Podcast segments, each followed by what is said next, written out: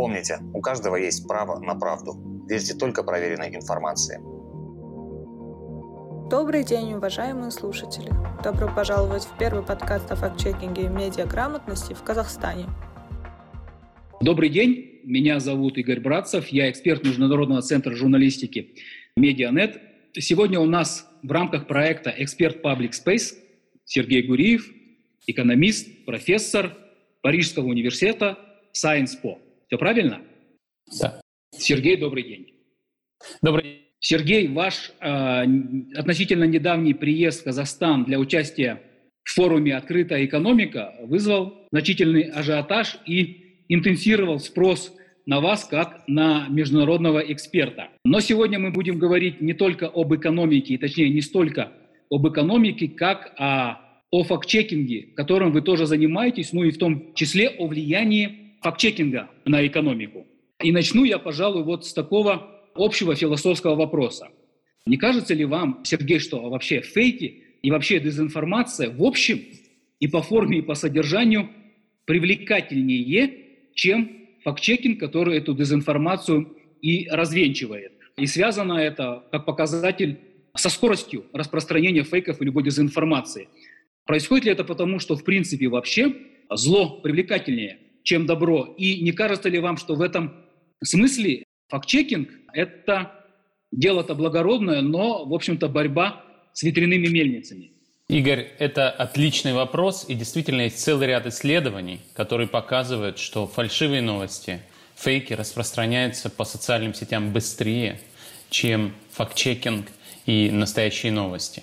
И связано это с тем, что фейки действительно э, более необычны. Вас учат в школе много-много лет тому, как устроен мир, а фейки – это, как правило, новости, которые противоречат тому, как устроен мир с вашей точки зрения. Поэтому они привлекательны, интересны, необычны. И, конечно, вы скорее хотите поделиться таким фейком со своими знакомыми. Конечно, если вы точно знаете, что это фейк, скорее всего, вы делиться не будете. Есть такие люди, которые делятся все равно. Например, если этот фейк, который поможет выиграть вашему кандидату на президентских выборах, известно, что часто люди, зная, что это фейк, все равно распространяют такие фейки. Но большинство людей, особенно люди обычные, которые голосуют за нормальных политиков, распространяют фейки просто потому, что они не знают, что это фейки. Но им хочется поделиться таким необычным фактом, необычным высказыванием, необычной картинкой. И именно так это и работает. И действительно можно в общем сказать, что зло привлекательнее, чем добро, но на самом деле я бы сказал, что-то необычное – это то, чем вы хотите поделиться. А что обычным делиться, если и так всем все известно? Например, если мы в школе учим, что Земля круглая, я вам пошлю сообщение в Твиттере или в Фейсбуке, что Земля круглая. Наверное, ни вы его не будете читать, ни у меня не будет стимулов им с вами поделиться. А если я буду знать, что Земля квадратная, то я с удовольствием поделюсь таким сообщением, вы будете распространять его дальше. И именно поэтому фейки, конечно, распространяются быстрее. А факт-чек, как вы правильно говорите, очень часто это просто дело скучное. Это дело экспертов, которые там что-то считают, приводят какие-то аргументы. И это не так привлекательно.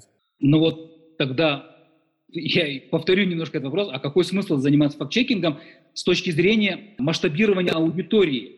Вовлечения в факт-чекинг аудитории и, соответственно, выработки у этой аудитории критического мышления. То есть мы всегда, как факт-чекеры, будем отставать. Что делать в этом случае? Вы знаете, э, действительно, сегодня идет много исследований, которые пытаются понять, какая роль факт-чекинга. Потому что сам факт-чекинг, как политическое явление, распространился только в последние несколько лет, когда вследствие социальных сетей и фейки стали распространяться особенно быстро. То есть это все это относительно недавние вещи, и они измерены не очень хорошо. Так вот, в одном из э, наших недавних исследований мы следим за распространением фейков и факт-чеков.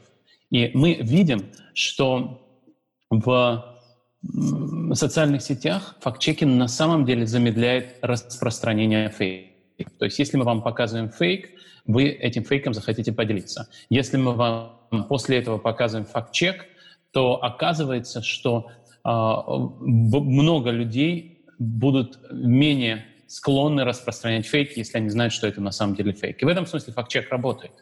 Э, в этом смысле а, многие люди откажутся от передачи дальше по социальной сети фейков, если они знают, что это на самом деле фейк. Но правда в том, что, конечно же, это означает, что вам нужно доводить до людей не только а, фейки, но и факт-чеки. И это сделать очень трудно. Еще один результат, который мы получили, это результат, который заключается в чем. Мы сказали людям, вот у этой, у этой фальшивой новости есть факт-чек.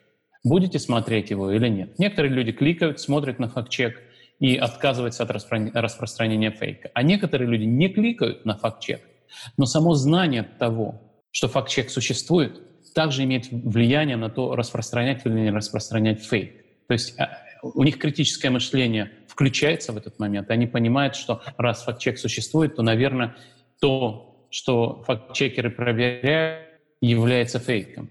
И в этом смысле факт-чекинг — это не бесполезная работа. Другое дело, что, к сожалению, эффективность его гораздо ниже, чем могло бы показаться. Вот вы заговорили о ваших исследованиях, и я бы здесь как раз хотел конкретизировать и задать вопрос. Вот вы изучали влияние месседжей именно праворадикальных политиков на аудиторию и степень интенсивности их распространения. И исследование показало, что на самом деле-то и факт-чекинг, и факты, они не особенно влияют на голоса избирателей, кому из кандидатов их отда- отдавать. А в чем парадокс такого явления? То есть на самом ли деле все-таки факт не является главным в определении своего отношения к тому или иному кандидату. А здесь главенствующим является все-таки симпатии к кандидату или симпатии к тем убеждениям, которые он озвучивает. А факты просто вот являются уже чем-то второстепенным. Хотя, казалось бы, это все-таки избирательный процесс, где вероятность ошибки повлияет и на меня в том числе, как на представителя электората. Игорь, э, действительно, хотя факт-чекинг, как я уже сказал, помогает снизить Э, скорость распространения фейков по сети, оказывается, что на желание голосовать за того или иного политика факт-чекинг влияет не так сильно. И это не только наше исследование, есть целый ряд таких исследований. И в первую очередь такие исследования делаются в Америке, наше исследование было сделано во Франции. А, происходит следующее. Вы смотрите на фейк, и вам кажется, что этот фейк убедителен. Потом вам рассказывают факт-чек, и вы понимаете, что факт действительно заключается в том, что вам рассказывают факт-чекеры, и что политик вам собрал. Но, как ни странно, уже поздно пересматривать ваше желание проголосовать за этого политика. И это типичная психологическая проблема, когда если политик породил у вас какие-то эмоции, заставил вас вспомнить о каком-то вопросе, то вы уже сформировали свою точку зрения по этому вопросу. И факт-чекингом уже поздно ее заставить вас изменить. При этом вы узнаете факты. Наши исследования показывают, что когда мы рассказываем факт-чек, то люди запоминают те цифры, которые находятся в этом факт-чеке. Но предыдущее влияние фальшивой новости, фальшивого факта, фейка уже сформировало желание людей голосовать. И здесь я могу сказать только следующее. А, факт-чекинг важен, но важны еще и харизматичные политики, которые используют факты как аргументы. А, то, что мы видим а, в современной политики, что популистские политики, особенно праворадикальные политики, успешно используют фейки, потому что те, кто им противостоят, не являются харизматичными политиками. Их э, соперники из мейнстрима выходят и беседуют с ними без эмоций, без связи с избирателем, без умения разговаривать с избирателем, а просто разговаривают как эксперты, как ученые, просто сыпят цифрами. Очевидно, что для того, чтобы повлиять на голоса избирателей, нужно не просто использовать факты, но каким-то образом э, создать связь с избирателем. И вот как раз во Франции мы видели э, в 2017 году, э, когда Марин Ле Пен противостоял не нормальный политик, такой как Франсуа Олланд, а эмоциональный, убедительный политик, такой как Эммануэль Макрон, он, конечно, победил ее в дебатах, и в том числе он, он как раз не использовал фейков, но он смог разоблачить ее фейки, и люди поверили Макрону, потому что он говорил убедительно. Не просто потому, что у него были лучшие цифры. Люди верили в его цифры, потому что они могли понять, что он говорит правду. И в этом смысле экспертов недостаточно. Нужны еще харизма харизматичные политики. Сергей, вот вы затронули тему популизма, и я знаю, что вы занимаетесь профессионально популизмом. Для начала можно вот, а, пожалуйста, дать определение все-таки, что такое популизм для аудитории, потому что, мне кажется, здесь у многих нет четкого понимания, что такое популизм, а потом я бы хотел узнать все-таки, а вот вы говорите о том, что факты побеждают иной раз и преобладают над популизмом, но примеры того же, например, Трампа да, показывают, что популизм, именно благодаря популизму он пришел к власти. И вот в связи с этим второй вопрос, насколько активно в популизме используются какие-либо методы дезинформации? Да, я действительно написал большой обзор недавних исследований популизма в развитых странах, и не только в развитых странах. Эта статья называется «Political Economy of Populism», где больше, чем на 100 страницах мы обсуждаем и определение, и измерение популизма, и недавние исследования причин и последствий популизма. Так вот, в экономической и политической науке сейчас происходит э, серьезная дискуссия того, что такое популизм, и в основном используется вот какое определение. Популизм — это не, идеол, не идеология, а мировоззрение. Это взгляд на э, мир, котором есть разделение между коррумпированными элитами и народом. При этом народ чист, честен, а элиты коррумпированы и думают только о себе. И в этом разделении популисты отстаивают право народа на управление страной. А вторая черта этого определения в том, что народ внутри себя однороден, что нет разделений внутри этого самого честного народа. Нет разных групп, нет разных классов, и в этом смысле не нужны никакие издержки противовесы, не нужны никакие защиты меньшинств. Весь народ представляет себя единообразную группу. И это означает, в частности, что не нужны институты, не нужны парламенты, не нужны суды, а достаточно одного сильного лидера, который может представлять весь честный народ. Так вот, это мировоззрение не говорит о том, что именно должен делать такой лидер. Это мировоззрение не говорит о целях того, чего должен добиться этот самый честный народ. Это мировоззрение всего лишь говорит о том, что власть нужно забрать у элит и отдать этому самому народу.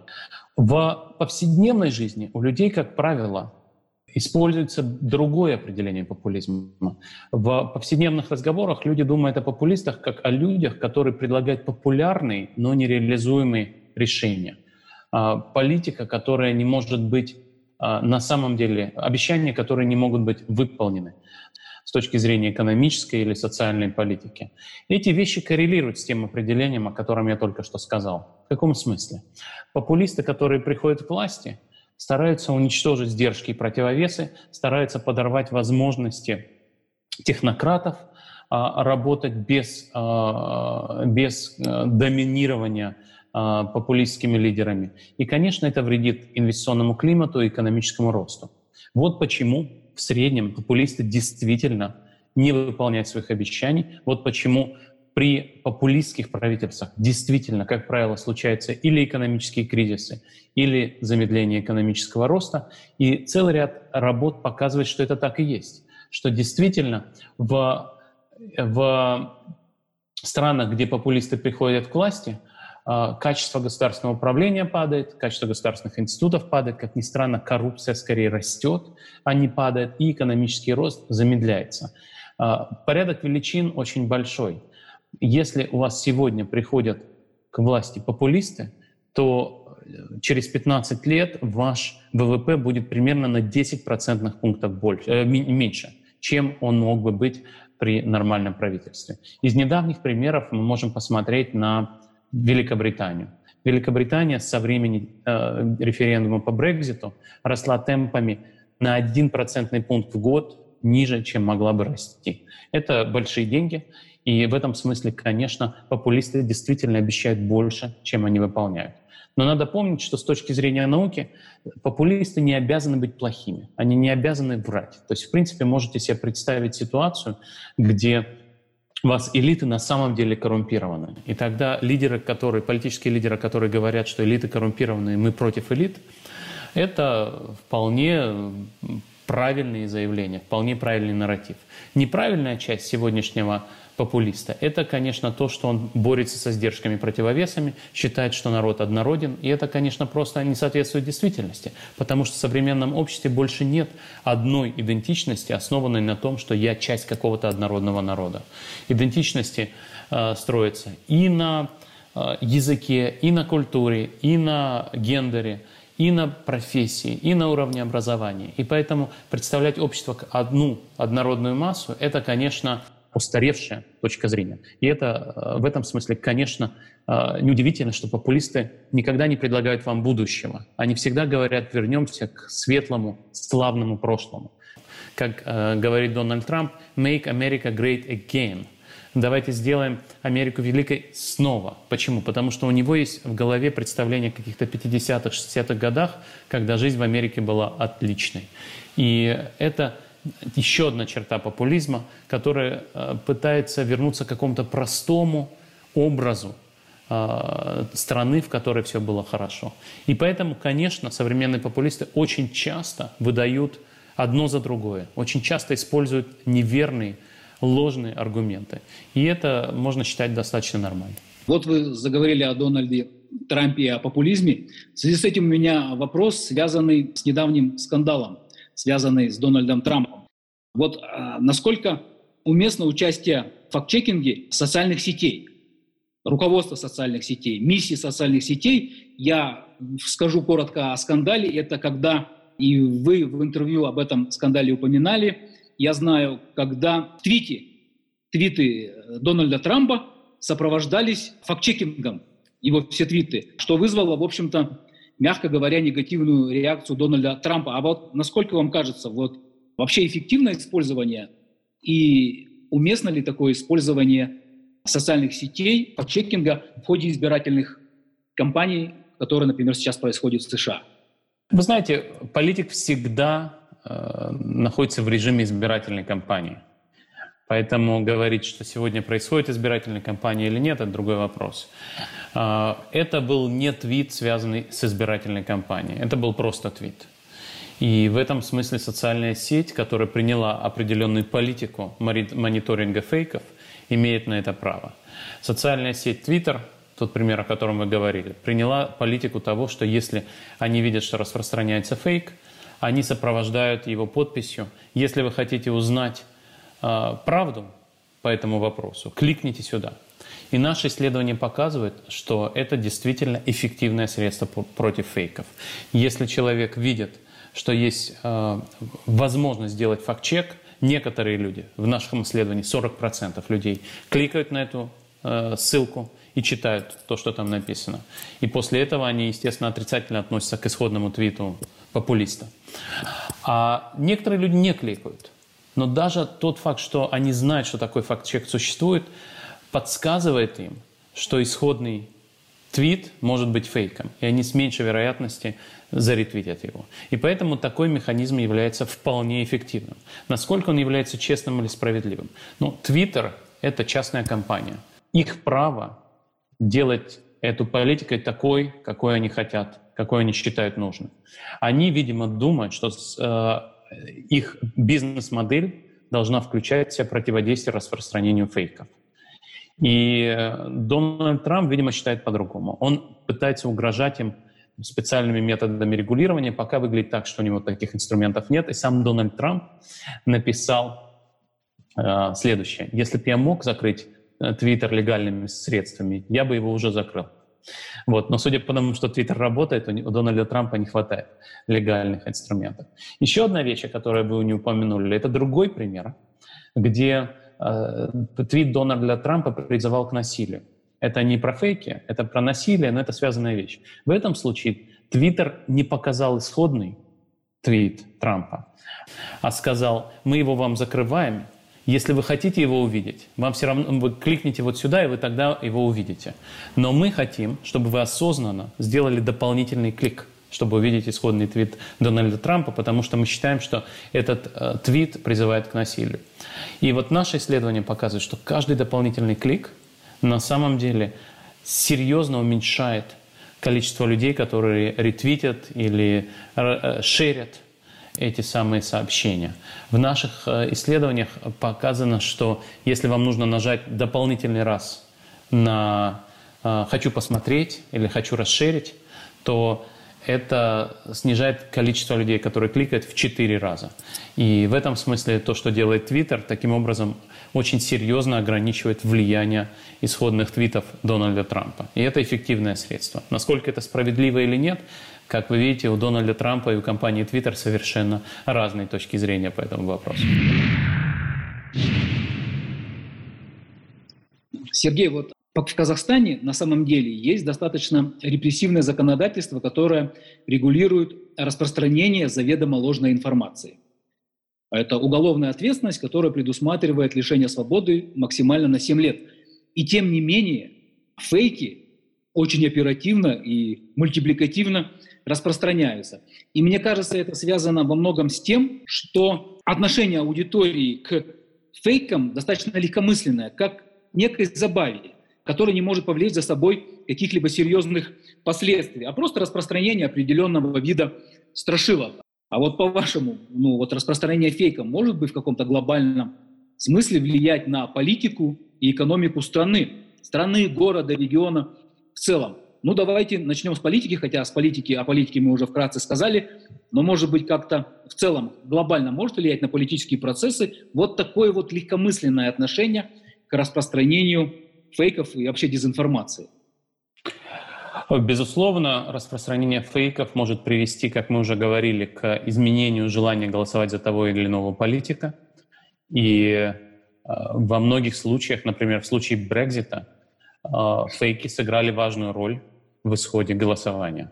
Во время Брекзита было распространено много фейков сторонниками Брекзита, и многие граждане э, легкомысленно приняли эти фейки за чистую монету и проголосовали за Брекзит. И теперь они об этом жалеют. Поэтому, конечно, распространение фейков опасно. Нужно ли вводить уголовную ответственность за распространение фейков? Ну, я думаю, что это, наверное, все-таки противоречит базовому пониманию свободы слова. Э, и с другой стороны, как я уже сказал, да, конечно. Например, в Великобритании распространение фейков привело к другому исходу голосования и к серьезным последствиям, в том числе и для экономики Великобритании. Да, это что касается политики. А каково влияние на экономику распространения фейков? И я здесь немножко даже конкретизирую этот вопрос в том плане, что в одном из интервью вы сказали, что сейчас наступает десятилетие систем здравоохранения – и вот пандемия коронавируса показала несовершенство систем здравоохранения во многих странах, в том числе с экономической составляющей. И необходимо теперь в здравоохранение вкладывать значительные финансы, а чтобы здравоохранение более адекватно реагировало на, вы, на такие вызовы, как пандемия коронавируса. А если вот какая-то роль факт-чекинга в демонстрации такого несовершенства здравоохранения и, соответственно, экономики, но и как следствие необходимости изменений и в целом в экономике, и в сфере, может быть, здравоохранения, пересмотров бюджетов, перераспределения их. Безусловно, во время пандемии ключевую роль играет э, распространение достоверной информации. Именно поэтому во многих странах созданы специальные научные советы, у этих советов есть спикеры, которые являются профессиональными учеными, которые выходят и каждый день рассказывают, что происходит, какие есть новости с точки зрения э, поиска новых лекарств, э, с точки зрения заполняемости коек, с точки зрения необходимости ношения масок, перчаток, с точки зрения разработки вакцины. И то, что мы видим сейчас, это то, что сейчас, когда ставки настолько высоки, речь идет не о процентах безработицы или процентах инфляции, а о сотнях или тысячах жизней, общество с большим доверием относится к высказываниям экспертов. И поэтому в тех странах, где существует институт репутации, конечно, то, что мы видим, э, факт-чекинг фактически проводится профессиональным сообществом. В, условно говоря, в Америке э, человек, который руководит большим институтом, или человек, который является выдающимся ученым, это человек, исследования которого фактически проверяются его коллегами или конкурентами, у которых тоже есть исследования. А, они проверяют э, э, результаты тестов, а, экспериментов. И в этом смысле, если выходит, вот в Америке есть известный доктор Фаучи, если выходит э, доктор Фаучи говорит какие-то вещи, ему верят. Просто потому, что у него есть карьера ученого. К сожалению, во многих странах, где не хватает такого института. Вы можете увидеть человека, который является главврачом или доктором медицинских наук, но то, что он говорит, является полной ерундой. И самое обидное, конечно, что сегодня он говорит одно, а через неделю прямо противоположное. И вот, конечно, здесь факт-чекинг крайне важен. Но, как правило, в этих странах у факт-чекеров тоже не хватает ни ресурсов, ни доступа к СМИ. Вот, поэтому здесь трудно сказать, насколько можно эффективно противостоять таким фейкам, которые распространяют, как правило, люди, обладающие статусом. Но в западных странах, как я уже сказал, то, что происходит сегодня, это то, что на первый план выходят не профессиональные фактчекеры, которые занимаются фактчекингом политиков, а доктора, специалисты в области вирусологии и эпидемиологии, им по определению верят, потому что они а, обладают репутацией. Сергей, у меня осталось два вопроса. Они во многом прогнозные. Но первое – это все-таки вот ваш прогноз, как в целом вообще проблема дезинформации может повлиять на экономику и политику в будущем, в среднесрочной и долгосрочной перспективах, если ничего не изменится. Или если, наоборот, какие-то произойдут изменения. То, что мы наблюдаем сейчас, это всплеск э, распространения дезинформации и фейков в связи с тем, что мы учимся работать с социальными сетями. Распространение социальных сетей – это на самом деле относительно недавнее событие. Социальные сети как э, метод распространения информации – это явление последних 10 лет. Э, массового доступа населения сначала развитых, потом развивающихся стран к мобильному интернету э, – это то, что происходило в десятых годах. Хотя сам Facebook был основан в середине нулевых, но на самом деле главное распространение социальных сетей – это последние буквально 10 лет. И мы видим, что политический и экономический мейнстрим пока только учится работать с социальными сетями и противостоять распространению фейков и дезинформации в социальных сетях. Поэтому пока трудно прогнозировать, насколько эффективно фактчекеры, журналисты, ученые, эксперты, мейнстримные политики научатся противостоять распространению дезинформации в социальных сетях. Я остаюсь оптимистом, потому что это не первый раз, когда на передний край выходит новая коммуникационная технология. Это было и с печатным станком, и с э, радио, и с телевидением. И сначала этими технологиями пользовались несистемные политики, и часто они делали это, э, используя дезинформацию, пропаганду и фейки. Но потом мейнстримные политики их догоняли, учились пользоваться этими технологиями, и равновесие восстанавливалось. Поэтому я надеюсь, что э, мы все-таки сможем завоевать себе общественное информационное пространство и защититься от э, политиков, которые используют социальные сети для распространения дезинформации в своих э, личных целях. Спасибо. И завершающий вопрос, а вы вкратце о нем уже сказали все-таки, как же вот найти тот баланс между решением проблемы дезинформации и обеспечением сохранения прав человека и прежде всего свободы слова? Есть ли вообще этот баланс возможен или все-таки нет? Я считаю, что вот то, что мы наблюдаем сегодня в конфликте между Трампом и Твиттером, это и есть интересный эксперимент, в рамках которого у Трампа сохраняется свобода распространять информацию. С другой стороны, Твиттер проверяет ее и дает читателю возможность проверить э, факт-чекинг. И э, это на самом деле интересный эксперимент, где вроде бы свобода говорить, свобода у Трампа говорить все, что он думает, есть, а у читателей свобода воспринимать это критически – и Твиттер помогает читателю проверить, говорит Трамп правду или нет. И в этом смысле свобода остается. С другой стороны, и барьеры для дезинформации тоже выстраиваются. И я думаю, что, наверное, будущее за какими-то такими форматами, где у вас есть свобода врать, а у меня есть свобода проверять, врете вы или, или говорите правду. Но надо помнить, что это только первые шаги, и, скорее всего, будут какие-то новые форматы, новые идеи.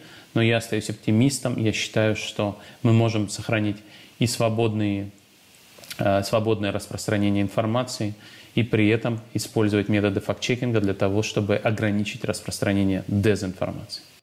Спасибо. Я напомню, что участником проекта «Эксперт Public Space» был Сергей Гуриев, экономист, профессор Парижского университета Sciences Сергей, спасибо еще раз огромное. Это было интересно. Спасибо большое, Игорь. Спасибо.